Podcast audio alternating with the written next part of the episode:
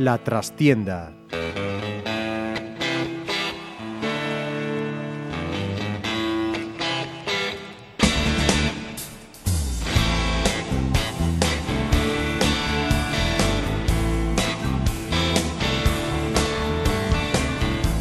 Saludos amigos, os habla Ramiro Espiño en nombre de todo el equipo. Comenzamos una nueva edición de La Trastienda en Pontevedra Viva Radio desde nuestros estudios en la calle Michelena de Pontevedra.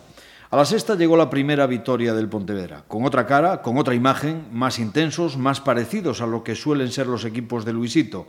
Un Luisito que pese a ello no cambió su semblante en la sala de prensa, presentándose serio, incluso un poco mustio, como si siguiese buscando enemigos ocultos y al que, modestamente, me atrevo a recomendar que vuelva a ser él que las críticas forman parte de su profesión y sinceramente no creo que pueda quejarse del trato que hasta el momento le ha dado la prensa, el Consejo de Administración mostrándole un respaldo total, salvo que haya cosas que los demás desconozcamos, ni mucho menos una afición que este domingo estuvo incondicionalmente con el equipo, olvidando tropiezos y mal juego y despidiendo a los jugadores con una cerrada ovación.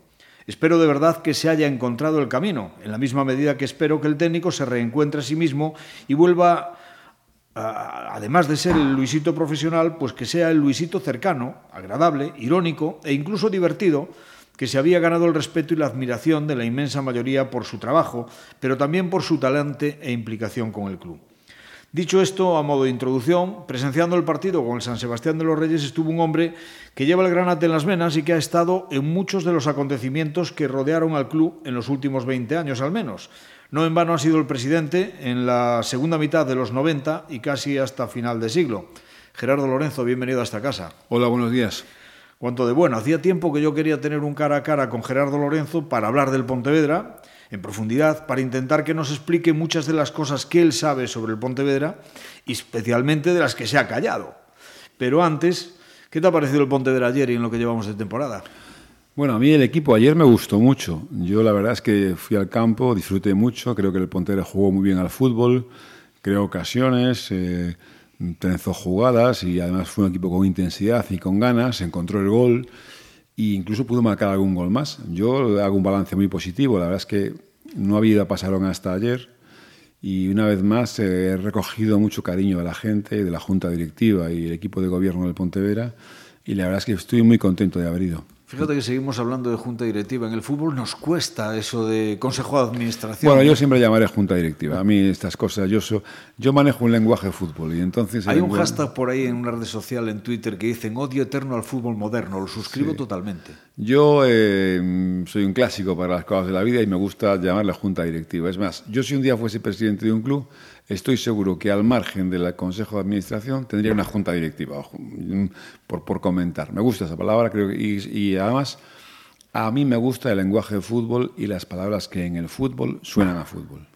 Y bueno, volviendo un poquito al partido frente a San Sebastián de los Reyes, yo he visto un Pontevedra que se acerca un poquito más al de la pasada temporada, pero que sigue teniendo muchísimos problemas para hacer gol. Y eso a lo mejor en otros partidos penaliza, ¿no? Bueno, en esta categoría es muy complicado hacer gol. El Ferrol, que está jugando muy bien, lleva 10 o 11 puntos y me parece que lleva solo 4 goles a favor y 2 en contra. ¿no? En esta categoría el gol está muy caro y no es fácil hacerlo. Yo no puedo juzgar eh, una trayectoria. En segunda vez, desde luego, el 1-0, se vive mucho el 1-0. Entonces eh, hay que saber también dónde estamos. ¿no? Para mí, lo importante es que mm, todo el mundo estaba con un poco de ansiedad por el equipo, con un poco de nervios. Y para mí lo importante es que ayer el equipo salió con intensidad, salió, supo sujetar los nervios en la salida. El cuerpo técnico creo que hizo un buen planteamiento del partido. Creo que se le ganó bien a un rival que traía 10 o 11 puntos ya y que había ganado fuera en dos, en dos salidas, por tanto tampoco era tan fácil. Y sin echar las campanas al vuelo, yo creo que hay que repartir justicia. Y creo que el Pontevedra ayer mereció el triunfo y que además creo que fue un triunfo que era muy necesario para los futbolistas y el cuerpo técnico, para la afición y por supuesto para la junta directiva. Bueno, aquí como siempre decimos, porque esta es una radio diferente, la radio en Internet, cuando hablamos de ayer, hablamos para los que nos estén escuchando ahora mismo en streaming, lunes 9 de la noche. Claro, estoy dando el partido. Y si no, pues el que, el que quiera escucharnos a partir de ahí en las redifusiones o en podcast, pues cuando a él le dé la gana, ¿no? Por supuesto. Pero nos referimos al, al partido disputado el domingo en Pasarón entre Pontevedra y San Sebastián de los Reyes. Decía yo que en ese partido precisamente se ha vuelto a poner de manifiesto algo que es, eh, a ver, de perogrullo, ¿no? La famosa columna vertebral del equipo. Mm. Bien el portero Edu, dos intervenciones providenciales en momentos además claves. Muy bien, yo creo que sobresaliente Adrián León en el central. Es una gran sorpresa. Magnífico Kevin Presa en el medio centro sosteniendo al equipo. Y quizá donde falló un poco fue esa otra parte de la columna vertebral en cuanto a Echaniz, que trabajó mucho pero sin acierto, pero apareció David Añón en banda. A mí Añón me gustó mucho, mucho. Y yo creo que en Echaniz hay que valorar eh, la gran capacidad de trabajo, la gran capacidad de lucha, de pelea, de entrega, y ya vendrá el gol. Yo, eh, efectivamente, para mí, Adrián León es un fichaje que creo que es un gran acierto y además ya ha jugado un par de posiciones y funciona muy bien. Edu es un portero contrastado, Kevin Presa es un chico que luce y siente los colores como pocos y se entrega en cada partido. Y, pero en general todo el equipo, o sea, yo no he visto ayer hay momentos en que, en el campo estaba pesado, llovía, no era fácil, ¿no? Pero yo en general creo que yo destacaría el conjunto y por encima de las individualidades, consciente de que esos futbolistas han estado muy bien. Y por supuesto, porque yo sé lo que es estar ahí y sé lo que se sufre en el palco y en el banquillo, y además uno ya ha cumplido años y acumula experiencia. Yo creo que ayer era un partido especialmente importante para el cuerpo técnico, para Luisito y sus ayudantes, para Pepe Rico, que fue futbolista en mi época. Y en el palco estaba Roberto, que yo estuve con él, y Lupe, y en fin, los directivos, y yo creo que ese, para ellos también era importante en el sentido que les da fuerza y moral para, para luchar por un proyecto en el que todos los demás, además, debemos apoyar, ¿no? Y sobre todo los que somos ex, eh, nuestra función siempre tiene que ser la de aunar y la de apoyar, no puede ser otra. Es que es evidente, por lo menos en mi opinión, ¿no? que el, no sé si el equipo dará para luchar por el ascenso, pero sí que es evidente que para estar coqueteando con los puestos de arriba a mí me parece que hay suficiente. ¿no? Otra cosa es que sea mejorable, que en el fútbol todo es mejorable, evidentemente. Pero el peligro quizá de estas situaciones, si no se llega a ganar ayer, es que precisamente cuando haces un equipo que parte con unos objetivos altos, si por las razones que sean, porque esto al fin y al cabo es fútbol y hemos visto cosas rarísimas, hemos visto a un Atlético de Madrid, a un Valencia descender, hemos visto a un Celta de Vigo pasar de la Champions a Segunda División prácticamente en el mismo año, eh, el mismo Compostela cuando descendió tenía un equipo hecho para ascender, se vio abajo y, no supo manejar esas situaciones. El peligro puede estar que un equipo hecho para objetivos más importantes se vea de repente en unos mares como diríamos, procelosos y que no sepa navegar en esas circunstancias. ¿no? Bueno, eso es una máxima en el fútbol. Tú haces un equipo para estar arriba y cuando se mete abajo a veces le cuesta la pelea, le cuesta salir, se sufre mucho y, y, eso es una máxima. Otras veces el equipo ya nació para pelear por abajo y, tiene otro tipo de armas y, de herramientas para hacer adelante. Es una máxima. Yo lo que creo es que hay que relativizar un poco las cosas. Decir, a veces el fútbol eh, eh, una de las peores consejeras del, fútbol es la urgencia, la urgencia, la necesidad y el drama. Yo creo que hay que tener paciencia, en el fútbol como en la vida, la paciencia es una virtud y después es relativizar las cosas. Ni por ganar somos los mejores, ni por perder es un fracaso absoluto. Subir o bajar de categoría son circunstancias de la vida que hay que entender y que hay que asumir. Pero lo importante es hacer un proyecto, creer en él y apoyarlo todos. Yo creo que ahora hay un proyecto y en este momento, mientras estén estas personas al frente, nuestra misión yo creo que es apoyarles porque yo creo que están dejando la piel por hacerlo bien. Bueno, vamos a, a irnos hacia atrás. Vamos a hacer un no, no, muy atrás, no muy atrás. No, no, nos vamos atrás a, a, tu etapa, a tu llegada al club y demás, ¿no? Sí. Porque yo creo que hay aficionados muy jóvenes que quizás no conozcan esa etapa de Gerardo Lorenzo como presidente, que a lo mejor no conozcan tampoco demasiado la historia más o menos reciente de este Pontevedra. Y es que tú llegaste para rescatar al Pontevedra de una casi inmediata desaparición. Yo recuerdo una conversación que tuvimos en el campo del Mosteiro, sí, concretamente, un amistoso sí, en, en sí, verano, ¿no? donde ahí se estaba un poco fraguando la llegada o no a, al club de Gerardo Lorenzo y de, y de su gente. Tomaste el relevo de Ramón Crespo con una deuda galopante en aquel entonces. Se necesitaban, creo recordar que eran 40 millones de las antiguas pesetas para evitar el descenso casi casi no, inmediato por impagos. No, 75. 75, 75 en AFE. Ajá. Y luego había como 10 más. Eh... Y algún que otro juicio pendiente, como el sí. caso Juan Alberto, que casi terminan con la historia Granate. Bueno, el caso Juan Alberto fue después, fue posterior. La, la... No, nosotros nos encontramos con una deuda de 75 millones en AFE. Hablo de memoria, me pueden fallar algunas cifras. Como 10 millones más a corto entre personal, proveedores, eh, empleados de la casa y, y unas cuantas cosas más. Y después me parece que la deuda global rondaba los 700 millones de pesetas, de los cuales 450 o 500 estaban en fase ejecutiva de Hacienda. Y hablamos en pesetas porque hablamos sí. de mediados del 95, sobre sí, el 95 96, más o menos. 96, sí, por ahí fue. Sí, pero bueno, fue un momento para mí muy importante, muy emocionante. Yo hice lo que tenía que hacer, peleé por el equipo de mi ciudad. Tuve la suerte de que tuve a mi lado un equipo de directivos que se pelearon mucho conmigo, conté con el apoyo de la afición, que todavía hoy me, me, me demuestra su cariño cada vez que voy, también con la prensa y con la ciudad. Y yo creo que fue un reto que uno hizo también porque era más joven y porque tienes fuerza para sacar adelante muchas cosas. Aquello fue una etapa muy bonita. Yo realmente aún no sé cómo lo hicimos, pero yo entiendo que aquello fue un esfuerzo y un triunfo colectivo, no un triunfo de Gerardo Lorenzo. Yo fui uno más, capitané la nave pero fue un triunfo colectivo. Sí que está claro que uno de tus méritos, creo que importantes, eh, a ver, yo parto de la base que todo aquel que ha merecido, que ha estado como presidente mm. del Pontevedra Club de Fútbol, a la inmensa mayoría os ha costado dinero, desde luego sí. mucho tiempo y, por desgracia, eh, más disgustos que alegrías, sí. eh, salvo excepciones que casi no quiero ni comentar, que, que han venido mm. a aprovecharse del club y no a, a, a, trabajar por el club, pues todos lo habéis intentado hacer con la mejor de las intenciones, ¿no? Pero obviamente no siempre eh, teniendo los conocimientos que se requieren para un cargo de este estilo. Y en ese sentido tú llegaste también al Pontevedra en, una, en un momento en el que la estructura interna de la entidad era absolutamente caduca y obsoleta. Y en tu haber, digamos, yo diría que eh, funciona el hecho de haber modernizado esas estructuras sí. del club desde lo que es la puesta en escena, por ejemplo, de una asamblea de socios en aquel entonces, con, sí. con información bien documentada, con medios técnicos, con mm. proyecciones en pantallas, etcétera, etcétera, sí. hasta, pues, por ejemplo, la emisión de los carnes de socios, que se hacían todos en hispano Olivetti y uno a uno, ¿no? Sí. Bueno, nosotros modernizamos lo que nos tocó, ¿no? Yo creo que, yo recuerdo cuando entramos en el Pontevera, que estaba cortada la luz, eh, recuerdo nuestra entrada en, en Pasarón, que a mí me emocioné mucho, la verdad, porque yo, en fin, había ido al campo desde que era muy niño, y luego cuando vi fuera de Pontera dejé de ir, el encuentro con Lola, con, con, con Gito, con Rulo, tal, fue un confito, eh, con Rafa Vidal, que nos estaban esperando en el campo. Yo recuerdo que había un mal empalme de una lavadora para mantener un poquito de ropa. Los vestuarios estaban rotos porque la última jornada de liga la gente se llevaba el material y la, las puertas del vestuario estaban rotas.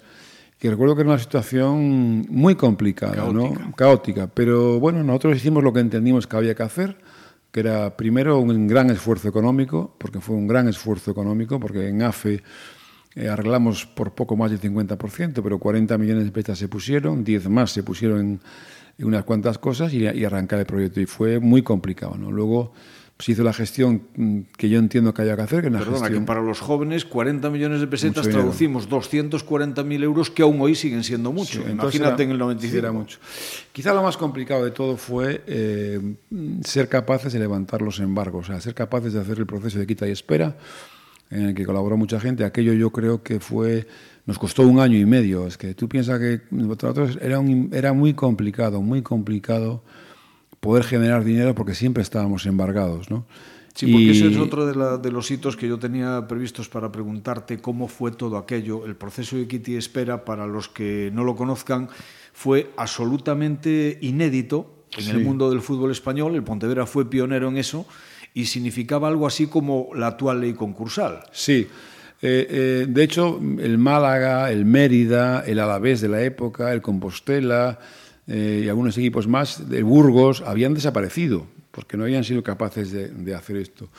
Bueno, nosotros un equipo jurídico con el que colaboró mucho Alberto García Pombo eh, y gente de Pontevedra diseñamos un, proceso, un tema jurídico que es la quita de espera que nunca se había aplicado en el mundo del fútbol.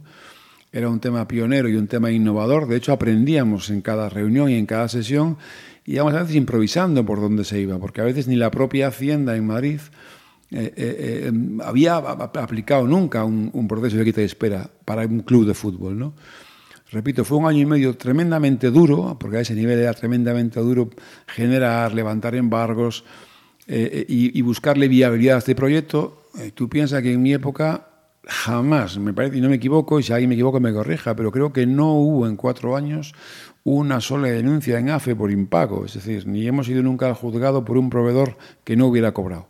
Entonces, por una parte había que levantar los embargos del club cada año, porque, porque Hacienda eh, por la ley te pedía, eh, al estar en fase ejecutiva no recurrible, aquella deuda había que pagarla. Eh, y entonces era un momento tremendamente delicado porque, a veces te querían pagar y no tenías cómo cobrar. Ese proceso significó que el Pontevedra pasó de 700 millones, números redondos, de deuda a unos 200 aproximadamente. Ciento y pico, sí, que tampoco se pagaron, luego se pagaron 40 o 50 nada más, porque después se convirtió en sociedad anónima y todas las personas que estábamos metidos en la lista de espera, casi todos, perdonamos nuestro dinero. O sea, a mí el Pontevedra me debía, estaban las cuentas, como 22 o 23 millones de la época y como a mí algunos más y en vez de cambiar esa deuda por acciones, perdonamos la deuda para que el club saliera en las acciones con menos deuda. No sé si hicimos bien o mal eso. La verdad es que a veces yo, en fin, pienso, bueno, pues para eso hubiera cogido unas acciones como hizo otra gente, ¿no? Pero bueno, dicho esto, yo creo que nosotros hicimos lo que teníamos que bueno, hacer. Tampoco hubiera servido de mucho porque luego con, el, con, bueno, con la concursal esas acciones sí, que valían un la, euro pasaron a valer 30 la, céntimos. ¿no? La vida es la que es. Un euro no, 50 sí. euros. La, la, vida es la que es. Yo con lo que me quedo es con que nosotros hicimos en el Pontevedra lo que teníamos que hacer, que era primero salvar el club, eh, dos, modernizarlo y tres, volver a ponerlo en el mapa. Tuvimos la suerte de que a mí me eligieron portavoz gallego de la categoría y después me eligieron miembro del de la portavocía nacional de la Segunda B. Yo era miembro de la Comisión Mixta AFE Federación y miembro de la Comisión de Televisión. En aquellos años, acordaros que la Segunda B se llegó a transmitir por la segunda cadena en Nacional los viernes. Unos partidos había cuatro por cuadrantes en España. Sí. Y hicimos muchas cosas por la categoría. Vino a jugar a España la selección sí, sub-21. Ah, con Guti. Sí, con Guti entonces, que después fueron todos de copas que, por que la va. Sí, sí, eso, eso casi lo dejamos. Divertido. Pero yo recuerdo que el primer año y el segundo, por ejemplo, no había baño de señoras en preferencia y en fondo, en el fondo norte. Si, si una señora tenía un apretón, tenía que irse a la, a la, payoza. O sea, cosas que hoy parecen increíbles, pero era así. Recuerdo cuando pusimos las primeras sillas o cuando cambiamos los banquillos. Fueron cosas muy bonitas, tremendamente bonitas. Yo lo recuerdo con mucha nostalgia y con un montón de cariño, porque repito, yo tuve la suerte de contar con el apoyo de todo el mundo y de liderar un proyecto que fue un proyecto colectivo de la ciudad. Y eso es lo que a mí me gusta. Yo ayer fui al campo, por ejemplo, que ganamos, y me decían, Lorenzo, ven más, ven más, que nos da suerte. A mí eso me compensa muchos sinsabores. Y en aquel entonces, aparte de hacerle ganar peso también un poquito a nivel federativo, eh, tú pasaste a ser el presidente de la Grada Sur. Era, ¿Era un poco pose o es que realmente no, los nervios te comían? No, yo no resisto el palco. O sea, yo no resisto el palco, eso todo el mundo lo sabe. Y no una, una, grada sur desierta en aquel sí, entonces, hay eh, que decirlo, que no sabría porque no hacía falta. Entonces. Bueno, estaba cerrada, pero vamos a ver, no es que fuera grada sur, es que yo tenía allí un rincón que estaba pegado al vestuario. Solo dejabas que la señora Lola llegase allí sí, a tu lado, ¿no? yo, yo vi el partido ya encantado, porque la verdad es que estaba muy pegado al vestuario. Y entonces había momentos en que me metía para adentro incluso, ¿no? Mientras que yo en el palco siempre le pasaba muy mal, dentro y fuera, ¿no? Es hoy el día cuando voy a pasar voy al palco porque me toca y me pongo en una esquina. O sea, yo el palco siempre lo llevo, para mí fue como un potro de tortura y eso todo el mundo lo sabe porque fue así muchos años. Y en el fondo sur te podías mover, te podías subir y bajar. Un día me dijo alguien, eh, presidente, no está usted en la presidencia. Y yo le dije, no, no te confundas, yo no estoy en el palco, la presidencia está donde esté el presidente. Y entonces o sea, tú nombramos una frase a claro, Churchill, ¿no? Y buscamos presidencia y nos nombramos presidencia sur. Esto es, pero bueno, son anécdotas. Eh, supiste vender ilusión, aunque a veces los proyectos deportivos desmentían pronto sus objetivos iniciales. ¿Tú eras consciente cuando iniciabas la temporada de que el equipo no daba más que para medio tabla? No, pero no. sin embargo sí que supiste llegar y hacerle creer a la gente que cada año podía ser el año. Hombre, nosotros lo, lo, lo intentamos. Yo tengo que reconocer, mm, ya han pasado muchos años, que ahora creo que sé bastante de fútbol. Cuando llegué al Pontevedra sabía muchísimo de gestión y poquísimo de fútbol.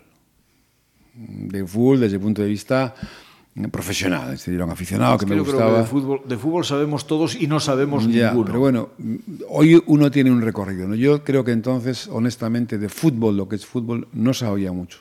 Creo que sabía de gestión económica y que sabía de gestionar y motivar un equipo de gente. ¿no? También es cierto que como los recursos eran los que eran, pues claro, cuando un tío venía a Pontevedra y sabía que iba a estar embargado seis meses, pues mucha gente no quería venir. Aún así nosotros a veces nos creímos el proyecto. Y de hecho el último año, que fue el año que peor fuimos, como nos íbamos, dijimos, bueno, este año vamos a hacer un esfuerzo grande, hacer un equipo que ilusione un poco más. Y yo creo que nos lo creímos. Bueno, el tercer año y el cuarto nos lo creímos. Luego, un año quedamos de sextos o de séptimos. Estuvimos ahí cerca y tal, pero, pero, hombre, no era un equipo para ascender. Pero yo sí creí que podíamos jugar algún playoff. Sinceramente lo creía. A, ver, a lo mejor era un ingenuo, ¿eh? Además, fíjate, habéis sido el, el famoso fax que parece que ha puesto de moda el Real Madrid. Para los que no lo sepan, el fax famoso sí. antes que el del Real Madrid fue el del Pontevedra. Sí. La diferencia es que yo no sé si el del Real Madrid no funcionó voluntariamente o no, pero el del Pontevedra soy consciente que no funcionó porque no os dio la gana no que nos funcionase. Dio la gana, sí. En el famoso traspaso de Sergio Aragoneses al Tenerife, en lo que entonces supuso una cifra récord un, cobrada por un jugador salido de aquí. ¿no? Sí, yo creo que... Bueno, ¿Cómo fue aquello? Lo de, eso nos da para dos tertulias. Yo realmente pensaba, nosotros queríamos vender a Sergio, Sergio tiene una cláusula de entonces de 50 millones de pesetas y nosotros pensábamos venderlo por 15, 15, 20, porque con eso cerrábamos la temporada. Entonces, eh, bueno, yo fui a Tenerife por una serie de razones, iba también Sergio y tal, y pudimos negociar. Y allí, como yo era hermano del de Canal Plus y no sé qué, pues algún periodista me invitó a cenar, ¿no? Y cenando me decía, mañana te van a fichar a Sergio. Y yo le dije algo así como, no creo porque lo quiere Fouto en el Mérida y lo quiere el Alavés. Así un poco de farol, porque yo, yo pensaba pedir allí 25 millones para que me dieran 15.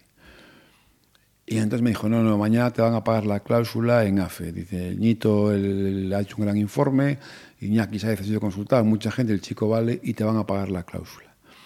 Me acuerdo que yo me temblaban las piernas. Y llamé a Monti y le dije, oye, cambia el contrato de este, dóblaselo, pero ponle 100 millones de cláusula. Y bueno, cambiamos el contrato, en fin, Sergio entró, le dimos más dinero y se cambió y al final negociamos unos cuantos días y efectivamente nos dieron 65 millones de pesetas. ¿Cómo nosotros, mmm, el fax se puso tarde, entró fuera de hora? Fíjate que hasta por, por encima de ahí, eh, solo cuando Javi Rodríguez fichó por el Levante, que fueron, Sí. se fue a 105 millones, Sí. o sea, y, y pasaron bastantes años. Sí. No, que fue un fichaje que nosotros ni, ni podíamos soñar, ¿no?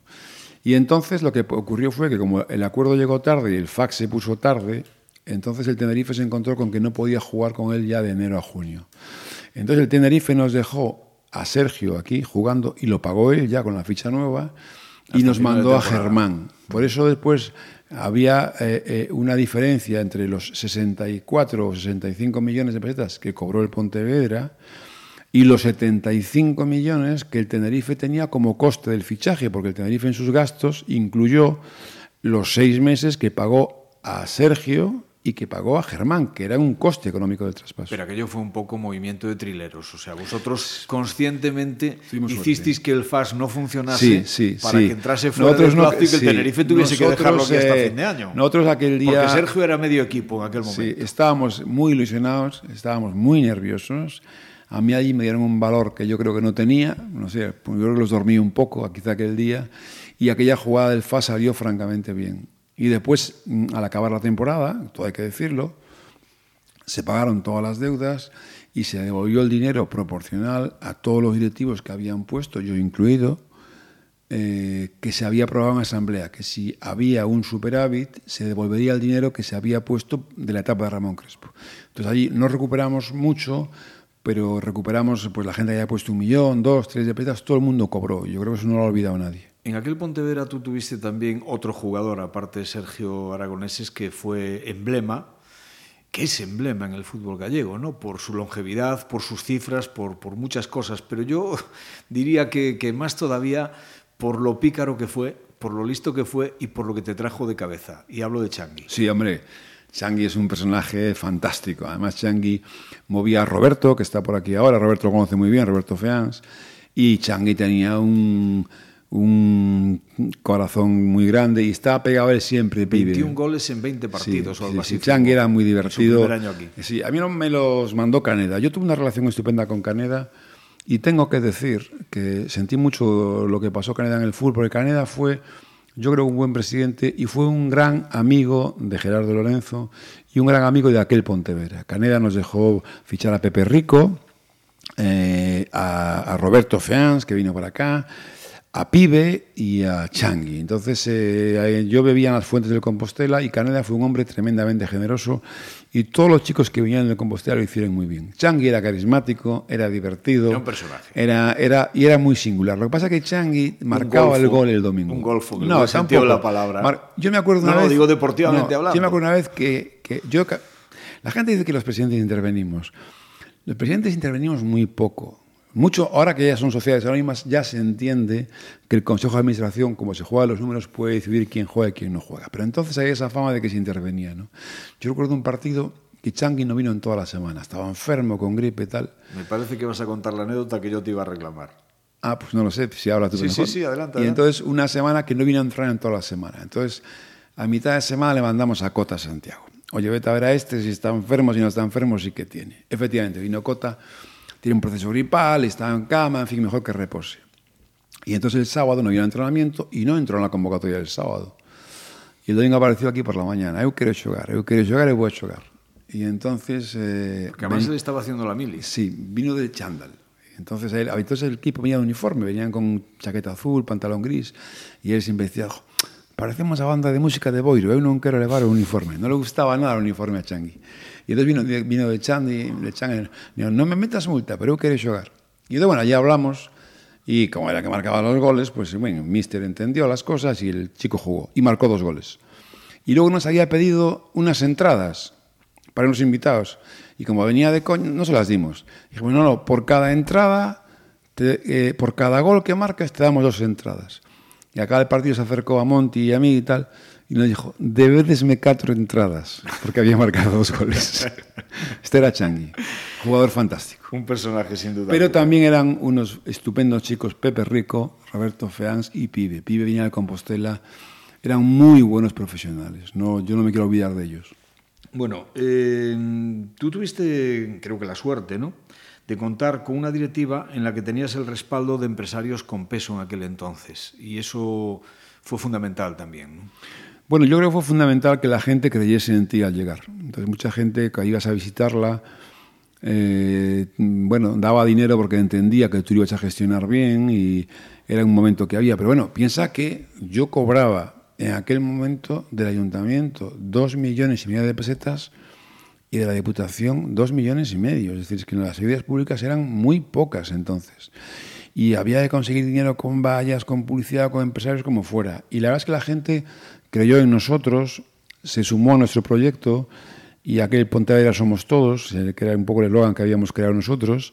Fue un proyecto muy bonito. Yo lo recuerdo desde la distancia con un montón de cariño y con una tremenda gratitud y generosidad hacia la gente de Pontevedra, que te repito, yo fui allá a la Pasarón, los porteros, los del bar, las almohadillas, el personal, o todo el mundo, la propia junta directiva de ahora, Lupe, me tratan con tanto cariño es que uno realmente se siente en casa, se siente a gusto.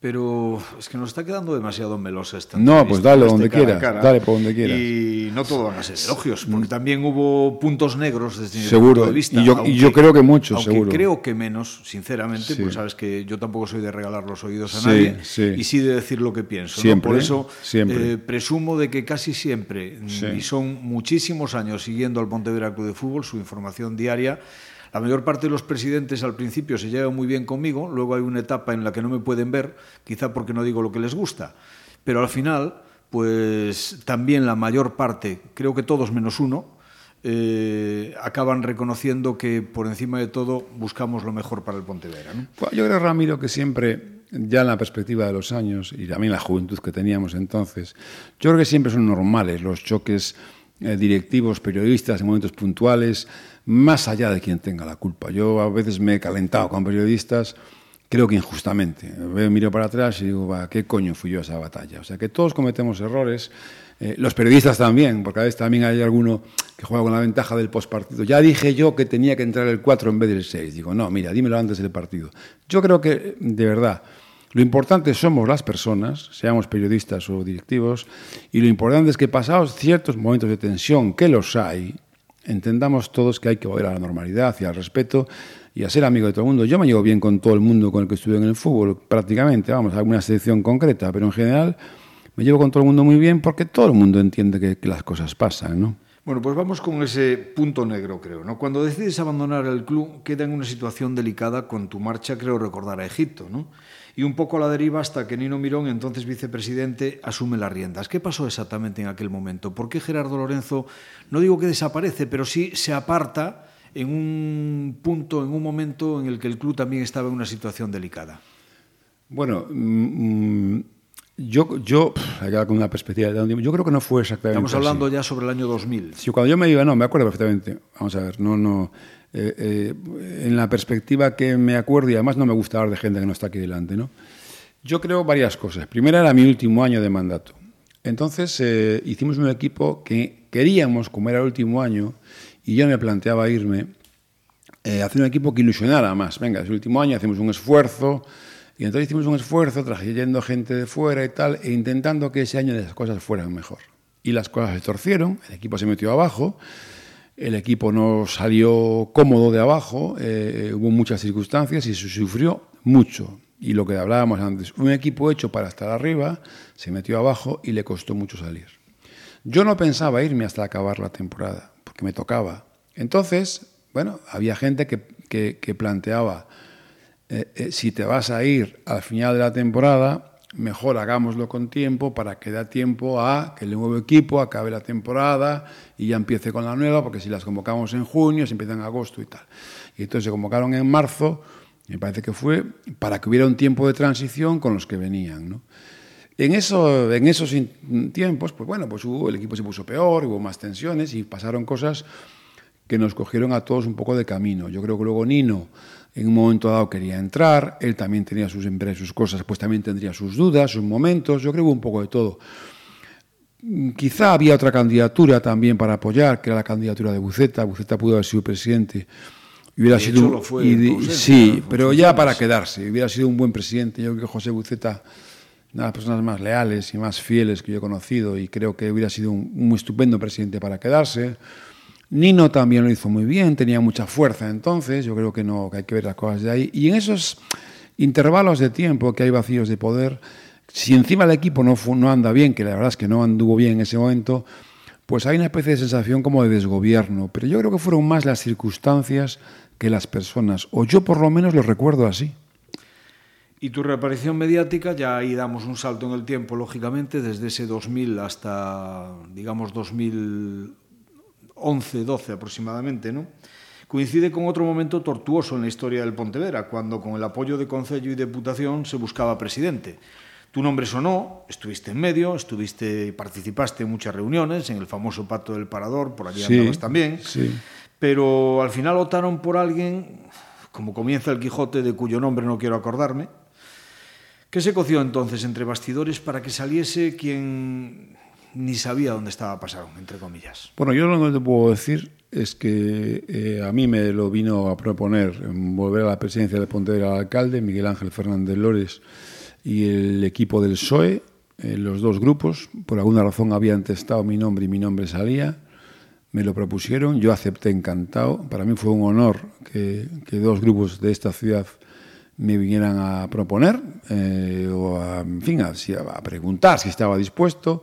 Yo estaba dispuesto en la medida que era de Pontevedra, que era una situación difícil y que yo creo que, había que arrimar el hombro, yo estaba dispuesto a volver, dije que sí, que por mi parte volvería, que quería una auditoría concreta para ver un poco cómo estaban las cosas y, hombre, que me garantizaran un poco que me ayudaran a levantar el proyecto. Yo, que no tenía una gran relación con el alcalde, más allá de cuatro cosas, y el respeto que le tengo porque creo que está haciendo una gran ciudad, yo la verdad es que me sentí muy apoyado y muy valorado por, por, estos grupos políticos, pero bueno, entiendo que desde la otra casa y algunas cosas que pasaron, eh, no sé, alguien no consideraba que yo fuera el adecuado, no, yo vi que realmente no tenía todos los apoyos que yo necesitaba y ante eso pues no, no opté a la presidencia, pero tengo que reconocer, porque si no faltaría la verdad, que yo por mí hubiese vuelto a la presidencia en ese momento.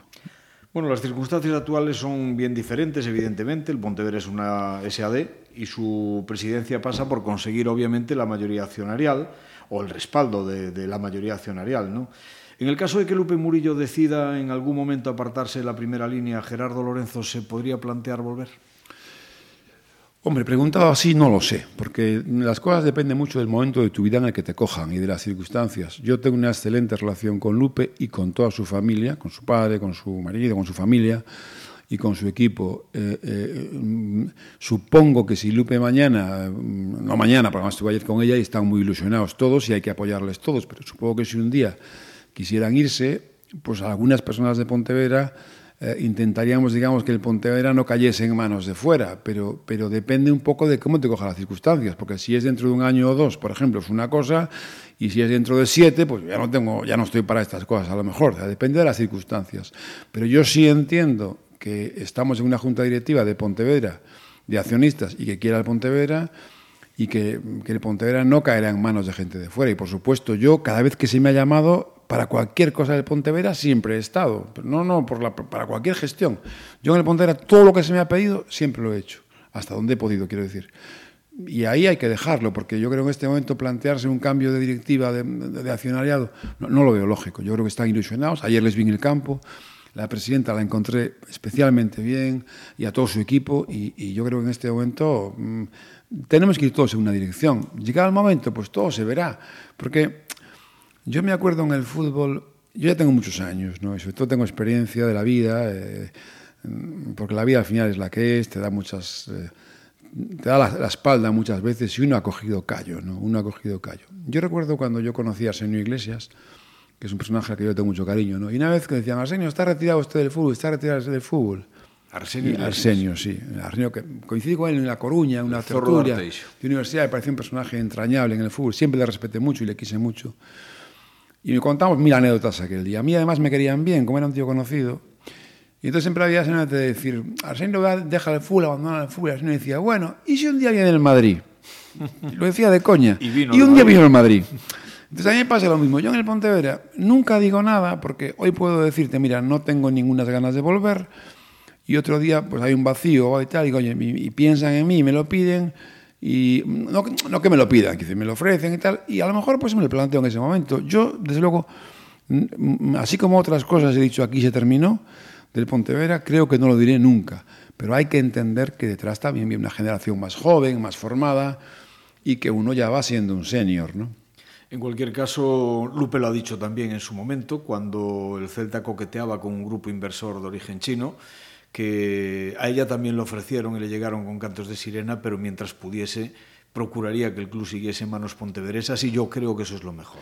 Bueno, hay una anécdota que mm, creo que Lupe no me desmentirá, que cuando yo estaba a punto de volver, porque entendía que volvía y quería volver, eh, tuvimos una, mm, varias reuniones, Lupe estaba muy cerca y yo le dije a Lupe, oye, yo estoy mucho en Madrid, como siempre, y si estoy en, si pongo a Pontevedra, ahí me gustaría que estuvieras en mi proyecto y además que fueses lo que tú quisieras ser. Es decir, yo si soy de presidente, te ofrezco que seas lo que tú quieras ser. Menos presidente, que ya sería yo, y nos echamos a reír en el Rías Bajas, tuvimos un par de reuniones de ese tipo, y después no salió, pero dice que hemos colaborado ya, al menos de intenciones, varias veces. Bueno, ¿cuáles deberían ser, desde tu punto de vista, los objetivos a corto o medio plazo de este Pontevedra? Bueno, yo creo que lo más importante es el saneamiento económico, que yo no sé en este momento cómo está la deuda. O sea, sé que está estructurada, que está controlada, pero no sé exactamente eh, cuánto es la deuda que tiene el club. La verdad no lo desconozco. Repito, bien gestionada, porque hay cosas heredadas, pero no sé dónde está. Y por supuesto yo creo que hay que hacer un proyecto a medio plazo para intentar ir a segunda división. Ahora que ya son sociedades anónimas, que ya puede entrar otro dinero en el fútbol. Yo creo que Pontevedra es una ciudad de fútbol. Creo que en Pontevedra la gente siente y quiere a este equipo y yo creo que en el medio plazo el, el objetivo de ir a Segunda A debería ser un objetivo ¿Qué real. habría que hacer para conseguirlo? Bueno, yo no soy el presidente ahora. Yo creo que la presidenta sabe lo que tiene que hacer para, para, para intentarlo. ¿no? Yo, desde luego, Creo que es un objetivo a medio plazo, mm, consolidando la cantera, consolidando valores, acertando los fichajes, contando con el apoyo de instituciones, eh, bueno, viendo los números, que repito, como no los conozco... yo creo que nos da un poco de envidia a todos el ejemplo por, cercano del Club Deportivo Lugo, ¿no? Sí, que, no hace mucho pues estaba muy por debajo en aspiraciones y en proyecto deportivo del Pontevedra y mira dónde está. Yo creo que Lugo tuvo una gran gestión económica y una buena gestión deportiva. Lugo no subió por casualidad. Eh, la etapa de Carlos Mauriz y toda esa gente, yo los conocí en Pasarón cuando venían, en fin, estaban trabajando en una dirección, no tenían deuda. El Club Lugo era un club que entonces no tenía deuda, o deuda importante, y supo hacer las cosas bien. Hombre, yo creo que el Pontevera, el cuarto de hora que estuvo en Segunda División A, porque estuvo un cuarto de mm. hora, demostró que es un equipo con una ciudad importante detrás que puede estar en Segunda A. O sea, yo creo que los equipos de fútbol también dicen mucho la categoría de las ciudades. Yo creo que Pontevedra, que es una ciudad moderna, modernizada, una ciudad que está de moda, que la gente viene a verla, un equipo en segunda división A le daría muchas cosas y yo creo que debe ser el objetivo. Yo, desde luego, no soy presidente, pero si fuera presidente eh, no saldría prometiendo que voy a ascender el equipo, pero sí diría que, oye, tenemos que entre todos intentar que el equipo vuelva a segunda A. Y yo entiendo que esta debe ser también la ilusión de Lupe y todo su equipo, pero me imagino que cuando llegaron o hasta ahora o tal, la primera, la primera, el primer objetivo habrá sido sanearlo y poner todo en orden, pero tampoco sé cómo se lo encontraron. Por tanto, hay cosas que, que pido por favor que se me entiendan entre líneas porque las desconozco. Vamos a ir terminando, aunque podríamos estar hablando hasta mañana seguramente y, aún nos quedarían cosas por, por, tratar. ¿no? En este sentido, eh, yo siempre que hablo de baja asistencia en Pasarón, digo comparado con el propio Pasarón, de, de outras épocas no, no tan lejanas, ¿no? porque evidentemente si hablamos que estando en, en horas bajas en cuanto a asistencia, tenemos 2.000 espectadores como ayer, y en eso hemos coincidido prácticamente todos los medios, cuando, por ejemplo, en Lugo, que acabamos de hablar, pues difícilmente pasan de los 3.000 en segunda división y, y luchando por los puestos cabeceros, pues obviamente pues puede parecer una soberbia, ¿no? Decir que hay baja asistencia. Vemos campos de la misma categoría con 200 personas, 300 personas, etcétera, etcétera. Pero sí que es verdad que pasaron ya en tu época, pues era frecuente ver entradas de 4.000, 5.000, 6.000 personas, ¿no? Y sin embargo ahora, pues, pues no, salvo momentos puntuales como las clasificaciones para los playoffs, que se llena Pasarón y que demuestra que detrás hay músculo, pues eh, no sé qué habría que hacer para incentivar a los aficionados y que las entradas volviesen a lo que eran. ¿no? Bueno, yo creo que hoy en día hay un problema tremendo, que es que hay demasiado fútbol en televisión. Es decir, eh, eh, eh incluso en mi época podías ver al Real Madrid o el Barça, pero es que hoy tienes el Chelsea, el Paris Saint Germain, eh, eh, en la gallega, todos los equipos gallegos. Hoy hay demasiado fútbol en televisión y por tanto la asistencia al campo es más complicada. ¿no? Yo creo que sí hay que hacer un plan de incentivos en los colegios, en la gente joven, el amor a los colores. Eh, las cosas se generan en la infancia, en la educación, ¿no? y ese tema eh, es un tema lento, no es un tema fácil. Luego involucrar al comercio, abaratar un poco los costos. Yo creo que hay que abaratar mucho más eh, los costes de las entradas mm, para que vengan más ingresos vía publicidad, vía patrocinios, vender entradas a, los, a las empresas para que detrás de esos, de, esas, de esos pagos que hacen tengan localidades para invitaciones y eh, una campaña a medio plazo. Y luego, por supuesto, no nos engañemos, cómo vaya el equipo. Si el equipo no va bien, al final van los aficionados de verdad. Cuando el equipo va bien, la gente se suma, se ilusiona y es más fácil llenar. Bueno, Gerardo, somos optimistas con este Pontevedra. ¿Va a salir definitivamente después de la victoria contra San Sebastián? Sí, hay que serlo, hay que serlo porque a mí me gustó la intensidad y la actitud del equipo. Eh, y me gustó el, ambiente que viví en torno a la directiva en el palco de ayer y yo creo que hay que creer en esta gente y apoyarla incondicionalmente y creo que saldremos. Creo sinceramente que hay equipo para no pasar ningún, ningún tipo de apuro y para estar cómodos, lo creo. Ya para estar más o menos arriba lo dirán los resultados y ojalá que sí, ojalá que sí. Bueno, pues muchas gracias por estar aquí en esta trastienda y no sé si algún día tienes pensado escribir el libro de tus memorias, pero si lo haces y cuentas algo de lo que te guardas, pues contaré pues cosas, estará digno de leer. Contaré cosas y algunas anécdotas que no han salido hoy, que viví con Martín Esperanza y con Fuertes y con gente de la que a las que yo le tengo mucho cariño también.